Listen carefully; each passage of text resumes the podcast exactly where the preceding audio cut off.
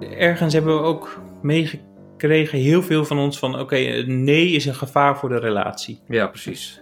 Een nee zet, met een nee zet je een relatie op het spel. Terwijl een goede nee verdiept juist de relatie. Zoals ja, jouw voorbeeld geeft, Ja. mijn voorbeeld. Dan gaan mensen echt tot tegen beter weten in geheimen verkeren. En, en ja, en dit, dit levert ook echt ehm, in families geheimen die tegen beter weten weggedrukt worden, ook echt psychoses op Ja. als je niet oplet. Dit is, dit zijn, ja, geheimen bedoel, zijn die, die, die komen wel weer omhoog ergens op een andere manier. Ja. ja. Ik ben Pieter.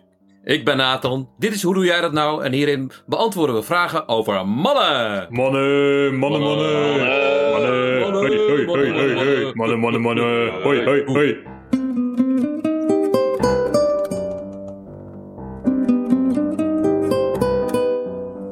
Pieter, hoe is het?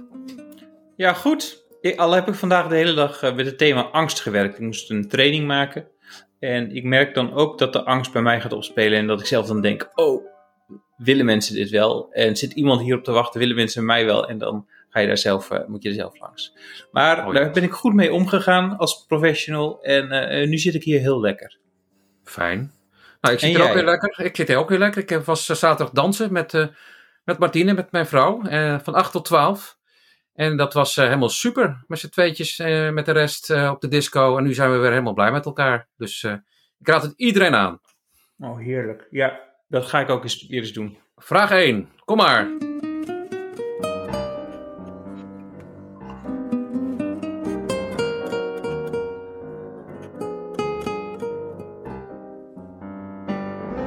Hoi Nathan, dit is Esther. Ik, ehm, ik heb wel een vraag over mannen. Of over de man. Mij valt het soms op dat, ehm, of ik heb het idee dan, dat mannen niet altijd de confrontatie aangaan. Of misschien niet nee durven zeggen. Misschien tegen vrouwen specifiek. Of, of is dat iets wat mannen ook onderling niet doen. Eh, en dan makkelijker misschien eh, gewoon ja, ja, ja zeggen, maar eigenlijk nee bedoelen. Wat soms ook wel weer eh, leidt tot alleen maar meer confrontaties. Of bijvoorbeeld eh, niet een relatie verbreken, maar het dan aan laten komen op een echte breuk ehm, door een grotere gebeurtenis. Ik ben benieuwd hoe jij daarover denkt, eh, hoe jullie daarnaar kijken. Is dat iets wat mannen doen, de confrontatie mijden door ja te zeggen terwijl ze nee bedoelen? En is dat iets wat ze specifiek tegenover vrouwen doen? Of ook onderling? Ik ben benieuwd. Succes! Nou, Pieter. Ja, eh, nou, hier, hier zit zeker ook een man die dat ook doet. Dus ik herken het zeker. Ja zeggen, nee doen. Ja, Ja, ik, eh, ik, Ja. ik beken ook schuld. Ik weet alleen niet of het mannelijk is. Maar ik doe dat zeker. nee, dat laatste weet ik ook niet. Dus, dus ik deed zaterdag een workshop en daar waren ook best wel veel vrouwen. En het gaat over boosheid, dus het gaat over begrenzen. Dat gaat over nee zeggen en ja zeggen. En daar waren ook veel vrouwen die met dit thema worstelen. Ehm, en dat heb ik ook wel vaker, wel vaker gezien. Dus ik weet niet En of het specifiek Met, met welk thema is. worstelen ze pre- precies? Nou, met eh, aardig blijven bijvoorbeeld. Dat je aardig moet blijven tegen mensen. En dat als je nee zegt, dat het onaardig is. Ja, Eh, ja, ja. Dat thema. Maar ik denk wel dat mannen iets specifieks hebben met vrouwen, waardoor het. Dus dat, dus dat. Ik weet niet hoe jij dat ziet hoor, maar ik denk dat mannen en vrouwen dus allebei hebben. Ehm, dat moeite hebben daarmee. Maar ik denk dat er in de dynamiek tussen mannen en vrouwen ook wel dingen, ge- specifieke dingen gebeuren. Ja. Ja, ja, ik merk dat, in ieder geval als ik voor mezelf spreek, en, en echt de meeste mannen die ik ken, dan in ieder geval binnen een relatie heb ik het over, en niet zozeer op de werkvloer. Speelt wat minder, ja, ook, vast ook wel een beetje, dat, dat, dat het zeer ongebruikelijk is om gewoon nee te zeggen als je eigenlijk nee vindt. Ja, even los van eh, eh, eh, feitjes en zo, dan moeten we linksom of rechtsom. Maar als het gaat over dingen naar elkaar uitspreken, merk ik dat ik daar zelf ook heel veel last van heb. En wat dus ook, ook naar mijn kinderen trouwens onduidelijkheid kan creëren, onveiligheid zelfs. En dat het ontzettend bevrijdend is en ook weer spannend om het wel af en toe te doen. Ik heb laatst heb ik bijvoorbeeld echt duidelijk, we hadden iets en ik heb een grens aangegeven. Ik heb gezegd, als het zo moet, dan, eh, dan, eh, dan, dan, eh, dan wordt het even spannend tussen ons. Het was, dat was het ook even. Maar daarna was er echt heel veel lucht. Dus ik raad toch wel iedereen aan om, om, om bij wijze van een experiment, of je een man of een vrouw bent, om gewoon een keer nee te zeggen als je nee bedoelt. Als je nee Ja. wil. In plaats van ja te zeggen en dan maar morrend toch niet te gaan doen. Ja. En weet je ook waar je, waarom jij het spannend vond om dat te doen? Nou ja, omdat je op dat moment eh creëer een nieuwe situatie. Eh, als je het heel lang gewend bent om eh, of ja te zeggen of, of helemaal niks, hè, dat kan ook nog. Dat is ook heel ongezellig. En te hopen dat het een beetje overgaat of zo doen we dat nou eenmaal. Ja, dat kan en zo gaat het heel vaak. En soms op dat niet slecht, maar om heel bewust te zeggen, dit ben jij en dit ben ik. En hier leg ik de, trek ik de grens. En dit is mijn grens. En dit heeft consequenties dat is wel even schrikken voor de ander. Daarmee ga je eigenlijk boven je relatie hangen. Ja. Ja. Dus dat vond ik best spannend. Ja. En daarna Voor bleek, je- bleek er dus heel veel lucht te komen. ja. Dus je zette ergens ook de relatie op het spel. Ja. En dat is niet niks.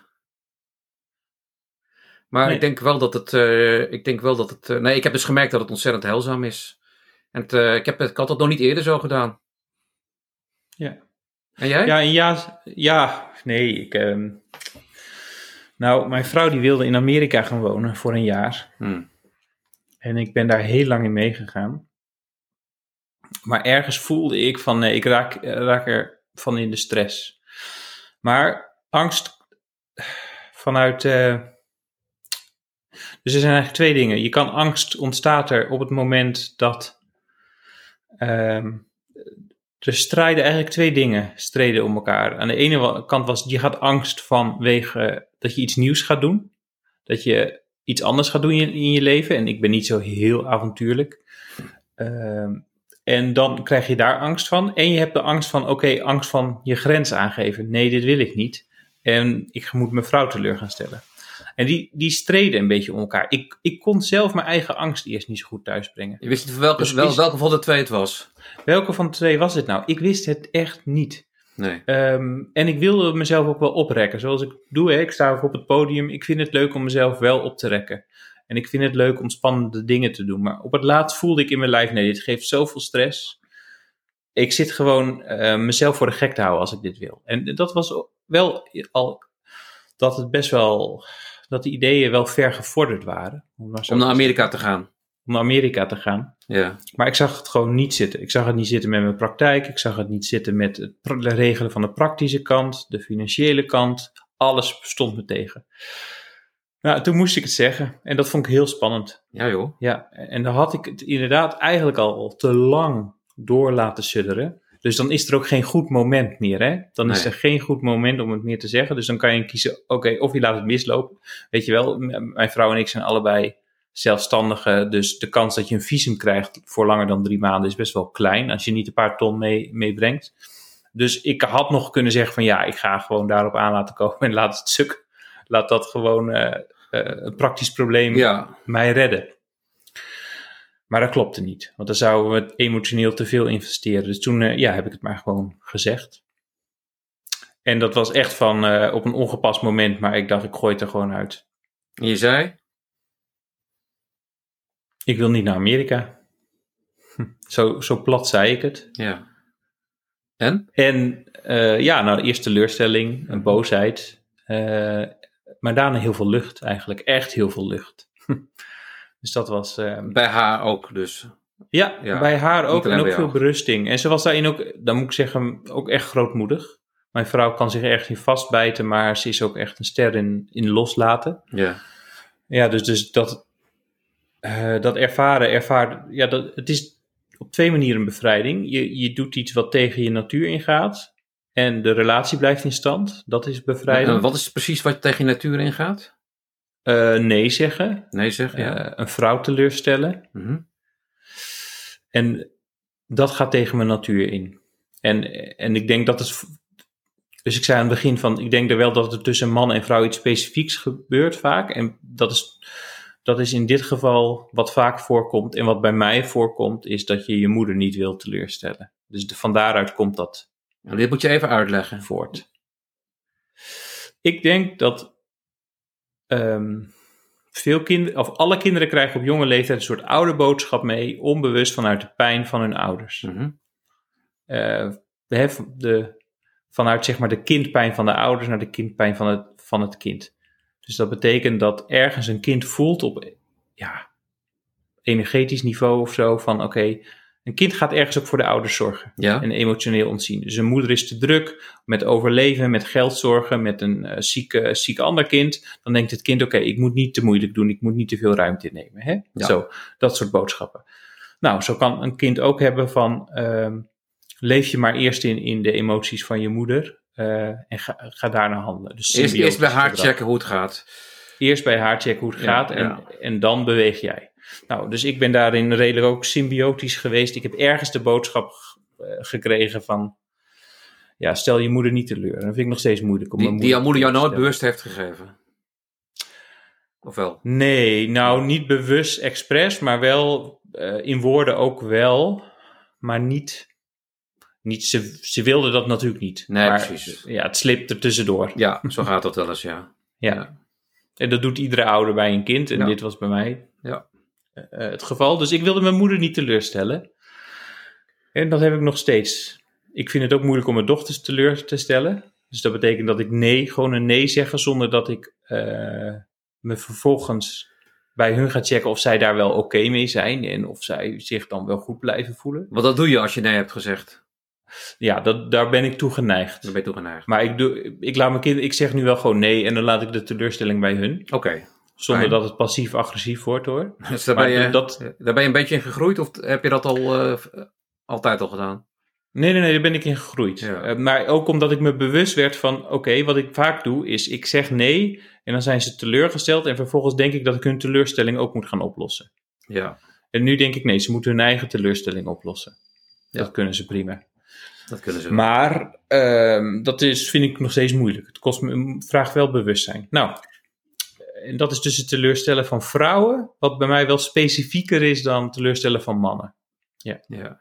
Is het, zou het ook nog zo kunnen zijn, ik gooi me even op, vanuit vorige keer ook heb ik het er in ieder geval kort over gehad, is dat, zeker als er kleine kinderen in het spel zijn, dat, dat voor die man, dat het net wat onveiliger is voor die, dan voor de vrouw thuis, dat die man net iets minder ruimte kan pakken, dus eh, vaker eh, eh, ja zal zeggen als je eigenlijk nee bedoelt, omdat hij eh, ook eh, bij die kinderen wil blijven en niet eh, het risico wil lopen hè, dat hij een harde nee zegt en daar de consequenties van moeten dragen. Ik kan me dat Ja. zo voorstellen hoor. Dat mannen, hoe ouder de kinderen worden, hoe meer een man denkt van wacht even, ik kan ook wel nee zeggen. Ik weet niet of het zo werkt. Ja, ja dus erg, ja zeker. Dus ik, ergens hebben we ook meegekregen, heel veel van ons, van oké, nee is een gevaar voor de relatie. Ja, precies. Een nee zet, met een nee zet je een Ja. relatie op het spel. Terwijl een goede nee verdiept juist de relatie. Ja. Zoals ja, jouw voorbeeld geeft, Ja. mijn voorbeeld. Ja, en Esther zegt net ook, Esther zegt eigenlijk ook, ik verlang ook naar een heldere nee. Ja, In plaats van een, van een nee, een ja die eigenlijk een nee is. precies. En met het risico dat het uiteindelijk ontploft. eh, omdat iemand het laat aankomen op eh, eh, dat een van de twee keer vreemd gaat. Of, of wat voor shit er ook is. Ja. Ja. Ja, ik denk dat vreemd gaan ook heel vaak een excuus is voor iets wat er al, an- eh, al anders was, hè, om te escaleren. Ja, Dus- dus, dus die man die durft geen nee te zeggen. Of die durft ook niet te zeggen nee tegen de relatie. Of die vrouw ook niet trouwens. Nee. En dan, dan wacht je maar tot er iets anders gebeurt. ja. Ja, ja dat kan. Ja. Ja, en eh, dus, dus we hebben ervaren, eh, we hebben ergens als het kind in ons denkt dat een nee de relatie op het spel zet, Ja. terwijl de volwassene in ons het weet. Maar het zit echt in je lijf gewakken. Bij mij zit het echt, Ja. kan het echt fysieke stress geven, inderdaad. Ja. En daarin is de factor tijd heel belangrijk. Je moet het zo snel mogelijk doen. Je moet zo snel mogelijk nee zeggen. Maar ja, de kunst is hè, je hebt, eh, dat je het niet passief-agressief gaat doen. Dus er is no- er- ontwijkende Er, is nooit een goed, persoonlijkheid. ja, er is nooit een goed moment. Maar het beste moment is het snelst, zeg maar. Dat is het minst slechte moment. Ja. Ja. Ook omdat Ja. angst, eh, de factor tijd. Dus eh, hè, die nee zeggen, die ja zeggen, komt voort uit angst. Ja. En hoe meer tijd de angst krijgt, hoe meer het, je je gaat isoleren. Hey, wat, gaan, wat, wat gaan wij Esther nu adviseren? En alle andere vrouwen die hiermee worstelen? Ja, ik wilde daar nog op zeggen, want, want wat ik, het is ook, het is ook sexy, hè? Ja, Een partner die gewoon duidelijk ja en nee zegt. Want in de ja's en nee's leer je elkaar kennen. Daar zit je grens, daar zit je identiteit. Dus je leert jezelf ook beter kennen als je je ja's toest, als je jezelf toestaat om je ja's en je nee's te voelen. Ja, Da- David Dijda, die, die, die, die mooie mannengoeroe, die heb je vast ook al Ja. gelezen. Die zegt, ik, even, ik heb mijn hoofd parafraserend, die zegt, er is niet zo aantrekkelijk voor een vrouw als een man die stoïcijn stil blijft staan in haar woedende storm. Of zoiets, zoiets Ja. zegt hij. Ja, Ja, vond ik wel een ja precies. En. Esther Perel die zegt ook van, ja, een vrouw de relatietherapeut, de beroemde, de- relatietherapeut, ja. Precies, die wil ook, die zegt een vrouw houdt van een man die een klootzak is. En dan, maar een klootzak in de zin van een man die goed voor zichzelf zorgt. ja. En een ja en nee zijn ook goed voor jezelf zorgen. Dus wat Esther kan doen, is van haar man en andere vrouwen van hun mannen eisen.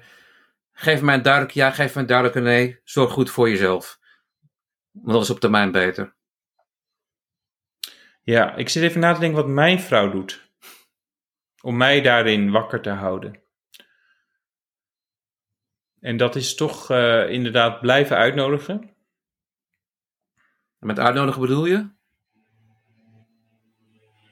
eh, om eh, mijn ja's en nee's duidelijk te Ja. zeggen. Oké, ja. Dus ze neemt ook. en dat kunnen mijn dochter, mijn jongste dochter van vijf, die zegt soms ook: Papa, je zegt ja, maar ik voel geen ja. Dat zegt zij, ze is vijf. Ze kent je. Dus ze kent me nu al. En, ehm, en Minke zegt dat soms ook: Ja, je, je zegt wel ja, maar ik voel Ja. geen ja. Ja, dus hou je man, eh, hoe heet dat? eh, bij de le- les, nodig hem uit. Ehm, nodig hem uit. Ik, ik weet ook niet hoe de relatie met zijn moeder is. Maar het kan echt zijn dat hij geleerd heeft dat de relatie op het spel komt te staan. Ja. Eh, dus, dus wat ook helpt is de relatie. Dus inderdaad, zulke gesprekken voeren over ja's en nee's op het moment dat het niet op spanning staat. Ja. Dus voer het gesprek op, op een ander moment.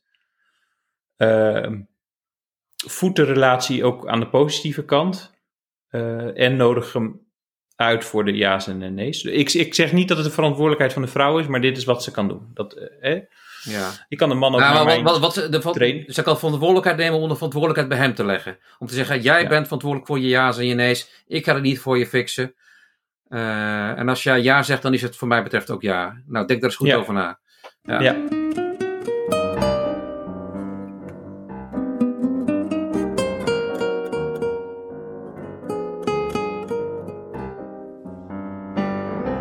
Hi, Nathan en Pieter. Ik ben eh, Jacqueline van Meerten, 52 jaar. Nou, ik heb een vraag. Eh, ik ben opgegroeid met broers en heb twee zonen. Ik denk eigenlijk niet zo in man-vrouw termen. Het is alleen de oude generatie mannen van rond de 80 die ik niet zo goed begrijp. Het lijkt alsof die generatie hun eigen kinderen vaak makkelijker verlogent dan, nou, dan bijvoorbeeld die generatie vrouwen.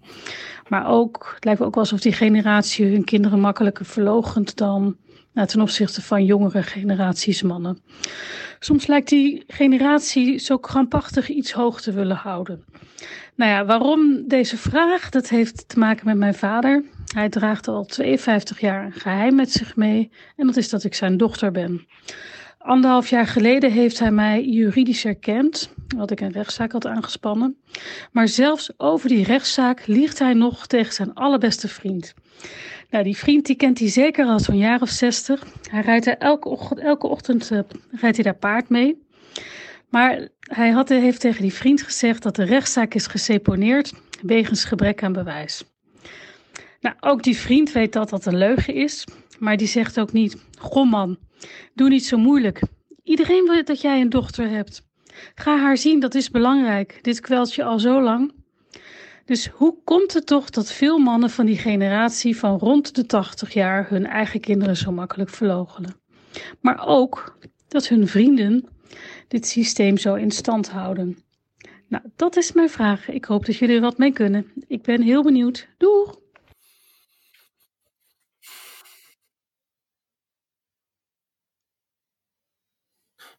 Een opgewekt einde aan twee best pittige thema's. Zou ik net. Ja. Een kind wat niet door de vader erkend Ja. wordt, dat is toch een grote pijn. Ja, ja, en Jacqueline heeft ervoor gevochten om dat wel zo te laten zijn. Ja, heel goed. Ja. Weet je, wat kan je Nou daarover ja. zeggen? Hè? Wij hebben allebei systemisch werk ook wel veel gedaan. Hè? Dus familieopstellingen en het idee dat je hele familie. Ja, dat je, dat je hele familiedynamiek invloed heeft op wie je bent. En, en nou, een van de belangrijkste principes daarvan is: elk, iedereen heeft zijn, verdient zijn plek. En als je die plek niet voelt in je systeem, dan voel je hem ook niet. Dan voel je je ergens niet welkom in de wereld. Of dan Ja. voel je je ergens niet verbonden met de wereld. Dus hij ontzegt haar iets heel, heel wezenlijks. En zichzelf. Ja, dus het is ook heel goed dat zij zi- zichzelf die plek heeft ge- gegeven. Ja, Voor zichzelf. Absoluut. Ja. Ja. En ja, ik, ik, ik ben, ben natuurlijk wat jonger, dus ik ken, ja, ik kende mijn opa's en ook niet zo goed, eerlijk gezegd. Ehm, dus ik, ik vind het moeilijk om te veralgemeniseren wat mensen van 80 denken. Alleen weet ik wel dat eh,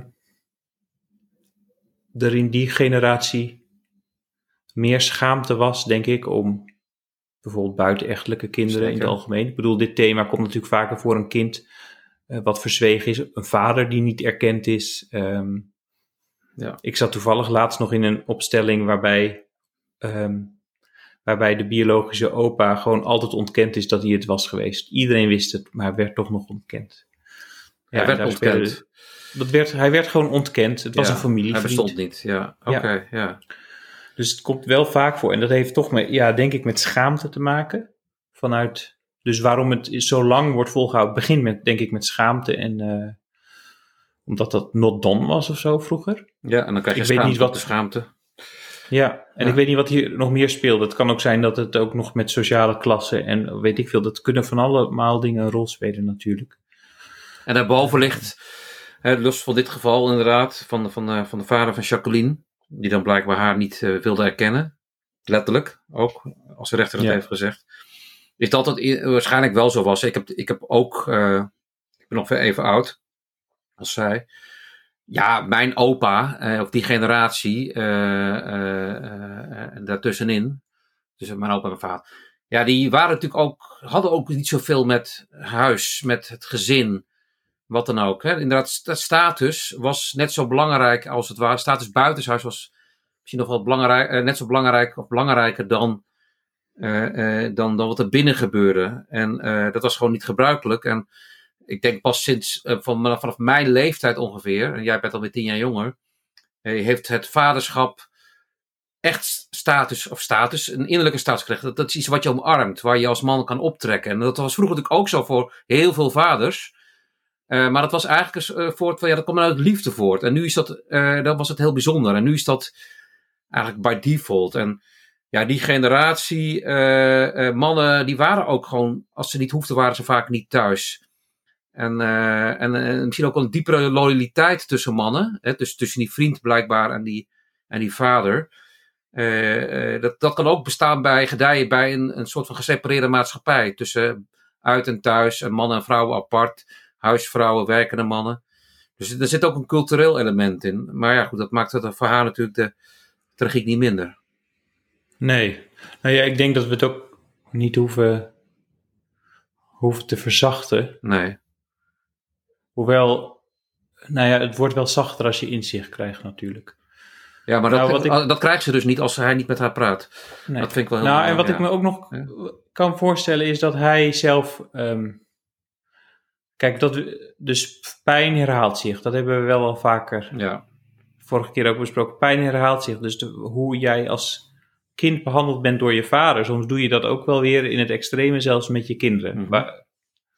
Uh, waarom? Omdat jij uh, vanuit, toch ook vanuit die uh, omdat dat een manier is om om te gaan met pijn. Het is een manier om, om wel een band te creëren die jij, zoals jij die geleerd hebt. En als je, misschien heeft haar biologische vader ook geen band met zijn vader gehad, weet je wel. En op het moment dat je dat gaat erkennen, trek je een vat pijn open. Ja. Uh, dus er zit ook misschien wel heel veel angst voor die pijn uh, bij hem in. Dit is nogmaals, het is niet, We weten het niet om het goed te praten, of het is niet om het uh, te vergoeilijken, maar er zit vaak wel heel veel pijn als er zoiets gebeurt.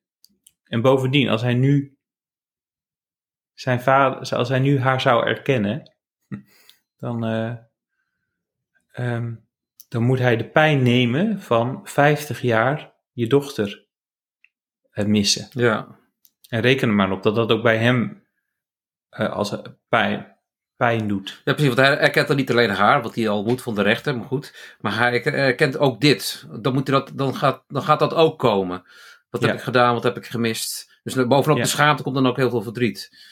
Dat is best veel, ja. ja. Dat is heel, ja, dat is heel Ja. veel. En ja, mannen hebben geleerd om, dat, ja, om dan te isoleren. ja. Dus isoleren is de reactie op pijn en schaamte. En ja. in, in extreem is door het zelfs te ontkennen tegen je vriend die wel beter weet. En wat, ja. ja. Dan gaan mensen echt tot tegen beter weten in Ja. geheimen verkeren. En, en ja, en dit, dit levert ook echt ehm, in families geheimen die tegen beter weten weggedrukt worden, ook echt psychoses op als Ja. je niet oplet. Dit is, dit zijn, ja, geheimen zijn bedoel, die, die, geha- die komen wel weer omhoog ergens op een andere manier. Ja. Ja. Ja. En in dit geval niet. Dus in dit geval is zij, heeft zij nooit die band opgebouwd hè, met de vader. Maar die vader die, die ontkent gewoon de werkelijkheid tegen beter weten in. Nou ja, je, je kan zeggen, hoe zot is het? En je kan zeggen, eh, hoeveel pijn, hoe bang moet hij zijn voor de pijn? Ja. En, ehm, maar de pijn nemen is wel de weg naar de, nou ja, naar de liefde, zeggen ze. En wie wil dat? Ja, iedereen wil de liefde, maar wie wil de pijn eerst? Ja. Ja, en en over die vriend, wat, wat kunnen we daar nog iets over vinden? Die, die, al, die weet, dit is onzin, maar ja, laat maar. Dat is weer een ander Ja. verhaal. Ja, dat is wel heel. Ja, ik zou, ja loyal, ik zou zeggen loyaliteit. Ehm, het kan ook ontwijkend zijn. Ja. Het kan inderdaad loyaliteit, eh, een, een vervormde loyaliteit zijn. Want je kan ook zeggen, ja, confronteer je vrienden eens eventjes met de werkelijkheid. Ja. Maar ook die vriend zal zich afvragen, wat, wat, wat zet ik dan aan? Ja, Ja. maar ja, misschien hebben zij wel een, hè, een bondje gesloten van we gaan elkaar niet confronteren. Met alle, eh, die vriend zal ongetwijfeld ook zo zijn rugzak hebben na Ja. 80 jaar leven. Dus, Wij gaan elkaar niet confronteren. Is, dat, is, dat man, is, dat, is, dat, is dat mannenvriendschap eigen? Of mannenband om, om, om niet te diep te willen? Of kunnen wij dat goed? Ik kan het wel heel goed, ja. Ik vind het altijd zo. Hoe meer ik erover praat, denk ik van ja, dit. Ik denk dat mannen dat wel heel goed. Ja, mannen kunnen dat beter, denk ik, dan vrouwen. Dus Ja. wegblijven bij waar het eigenlijk om gaat. Ja, Ja, nee, ik kan dat ook redelijk goed. Dat is, eh, dat, eh, dat kan... Ik kan een week lang met een vriend, dat heb ik al eens meegehad, een- met een vriend op vakantie zijn, die net eh, uit de scheiding komt. En dan kom ik terug. En dan zei mijn vriendin, heb je het er nog over gehad? Wat? Ja, over die scheiding. En over zijn moeder net is overleden. Nee. Oh, nou dat haal ik dan nog even voor je in. Maar goed, ja. ja, dat kunnen wij.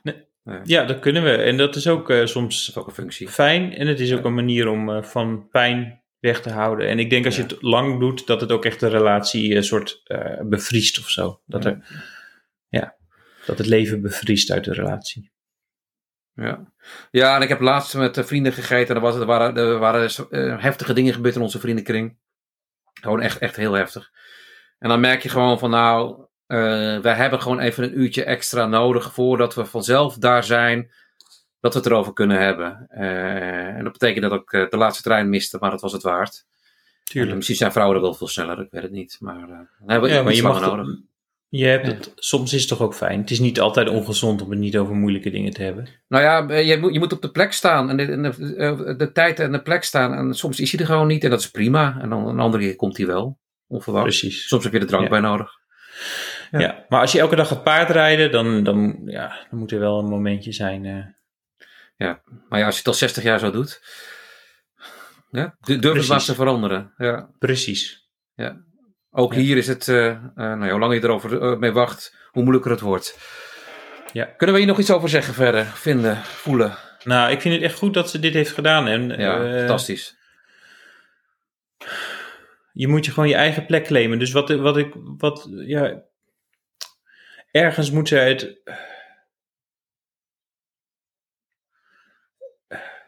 Hoe zeg je dat? Ik vind het heel moeilijk. Het is zo'n groot thema. Ik buig er ook een beetje voor. Omdat ik het niet zo goed ken. Ehm, Ja, het is groot. en, en ik dacht wel van ja, ergens moet ze zichzelf onafhankelijk maken van haar vader. Dus van het wachten op haar vader. Zonder te ontkennen dat hij bestaat. Dus men, de, de reactie is vaak om dan weg te duwen uit het leven en het helemaal te ontkennen. Maar er moet ergens iets, een beweging komen van, waarin ze wel erkent dat ze nou, daar pijn van heeft. En dat die band er niet is. En tegelijkertijd dat zij wel haar plek op de wereld neemt. En voelt Eh, en dat het niet meer afhankelijk is van de vader.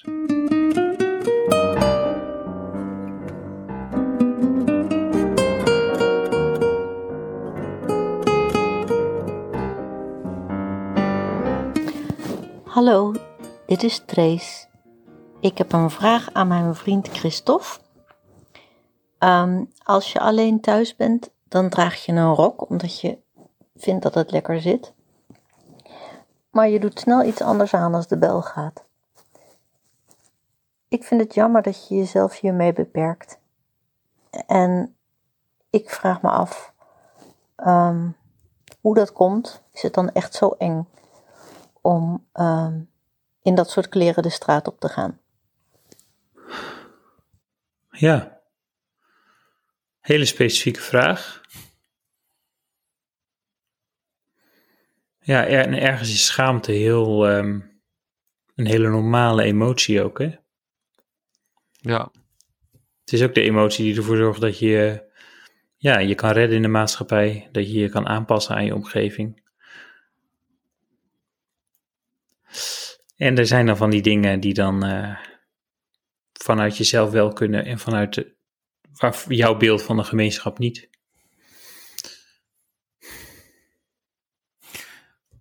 Ja, ik, als ik dit zo hoor, deze vraag, denk ik, wie's probleem is dit? Ja. Ja. En in die zin kunnen we ook niet beantwoorden, misschien.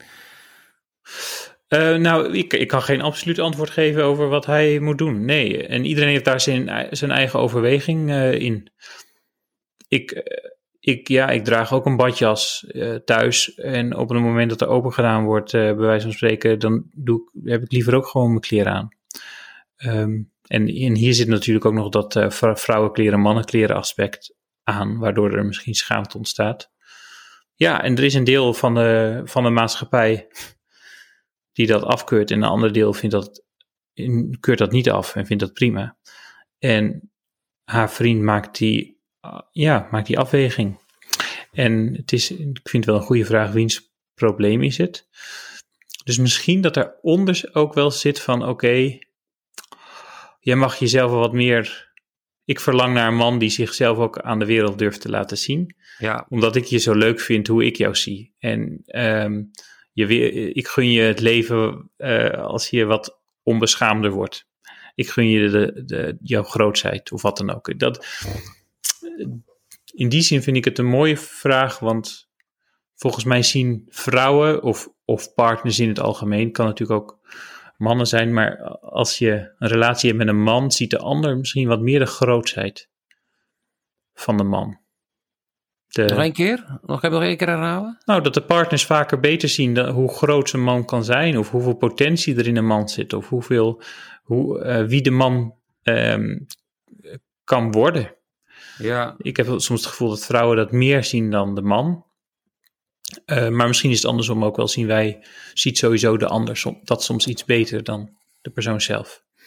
En, en ik, ik hoor hierin ook van, joh, laat jezelf zien. Laat jezelf wat meer zien aan de buitenwereld. En dan is die rock een voorbeeld. Maar ik kan me niet voorstellen dat, dat dit het enige aspect is. Waarschijnlijk vindt zij het gewoon tof als um, haar, haar vriend wat meer naar buiten durft te treden met wie hij is. Ja, ja, en dat volgens mij vinden we dat allemaal tof, toch? Tot we er last van krijgen. Als iemand. Ergens hebben we er altijd wel bewondering voor. Ook als we het soms irritant vinden als iemand gewoon de fuck is wie die is. Ja. En, uh, en, uh, of, of, of zij natuurlijk. En dat, dat gun je. Uh, ja, dat, ik denk dat het, dat het is. Je gunt het iemand om, om overal zichzelf te kunnen zijn. En dat staat even los van dat, je, dat, dat schaamte prima is. En dat je ook wel snapt dat je niet. Dat je ook geen zin hebt in het gezeik. Dat is wat anders, in zekere zin. Ja, ja, ja. ja. Dus uh, ja, en, en, en daarin, ja, ik, als ik terugkijk in mijn relatie, heeft mijn vrouw heel veel uitnodigingen gedaan om uh, wat onbeschaamder mezelf te zijn. Aan jou? Ja, uh, en die, heb ik ook, die handschoenen heb ik niet altijd opgepakt of durven oppakken of niet gezien dat ze voor me neerlegde. en daar heeft ze veel geduld voor. Wat bijzonder eigenlijk, want ik, heb, ik, heb dat, ik, ik herken dat niet. Dus, uh, maar ik heb er ook niet zo last van. Ik, ik, ik ben eigenlijk best wel, nou ik ben niet zeggen onbeschaamd, maar ik, uh, ja, ik doe toch mijn eigen ding. Dus voor mij moet je eerder op de rem trappen. Ik zei laatst, ik ga een oorringetje nemen. Toen zei eh, Martine, daar komt niks van in. Dat gaat ver.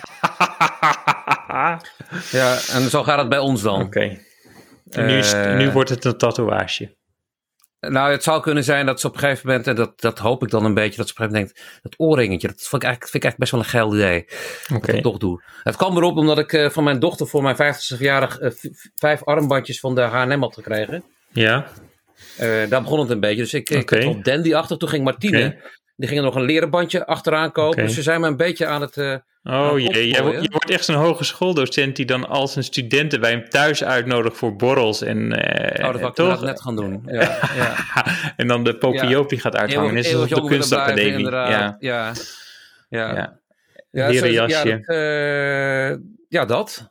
Ik, ik kan- vandaag ook mijn, mijn campingbroek aan naar school, maar dat heb ik toch maar niet gedaan. Je kan met mij over alles praten. Ja, Kids. dat. maar ja, nee, ja, ja, om, om, om- oh, ja, nou ja, dus eh, ja, schaamte is een eeuwig mooi thema. Eh, en, maar het staat in zeker, eh, als we het hierover eens zijn, het staat even los van ehm, dat je natuurlijk je, je mensen om wie je geeft, vrienden, volgens mij gaat het niet om een vriendschap, niet zozeer om een partner, Oké, vrienden, van die mensen om wie je geeft en waar je ziet wat voor potentie erin zit. Dat, dat je daar zo graag ruimte wil. Als je van iemand houdt, wil je inderdaad. Wil je van je kinderen ook. Hè? ja, Je wil ook dat die alles kunnen laten zien. Ja. En tegelijkertijd wil je ook niet dat ze gepest worden op school. Dus Nee. dat, ja, dat is ook de Nee, tragiek vaak vroeger, ja. hè, van, van ouders van kinderen die uit de kast kwamen. Van ja, ik vind het fantastisch, maar de angst zit er heel erg in. ja. Dat, nou, ja. Ja, dus ik zeg, blijf, blijf, zijn, blijf benadrukken hoe tof ze hem vindt en, ehm, en hoe goed het voor de wereld zou zijn als hij wat meer zichzelf is naar buiten toe. Zou jij wel eens in een jurk willen lopen buiten? Nee, heb ik niet zo'n behoefte aan. Maar wat ik wel lekker vind is zijn jalabas en ik heb ook wel wat eh, van die saris, dat, dat, sarongs. Dat vind ik echt lekker Oh, om in te lopen. Ja. Eh, en dat vind ik wel jammer dat dat niet eh, wat meer buiten normaal is. Op die manier vind ik zo'n Nou, ding we, wel we lekker. kunnen de volgende podcast, als die komt, dan kunnen we die wel in een jalaba of sarong doen. Ja, Zo begin. Ja, dat vind ik, wel eh, lekker dan zitten. Krijgt de hippie in mij ook wat meer ruimte. Dus dat is fijn.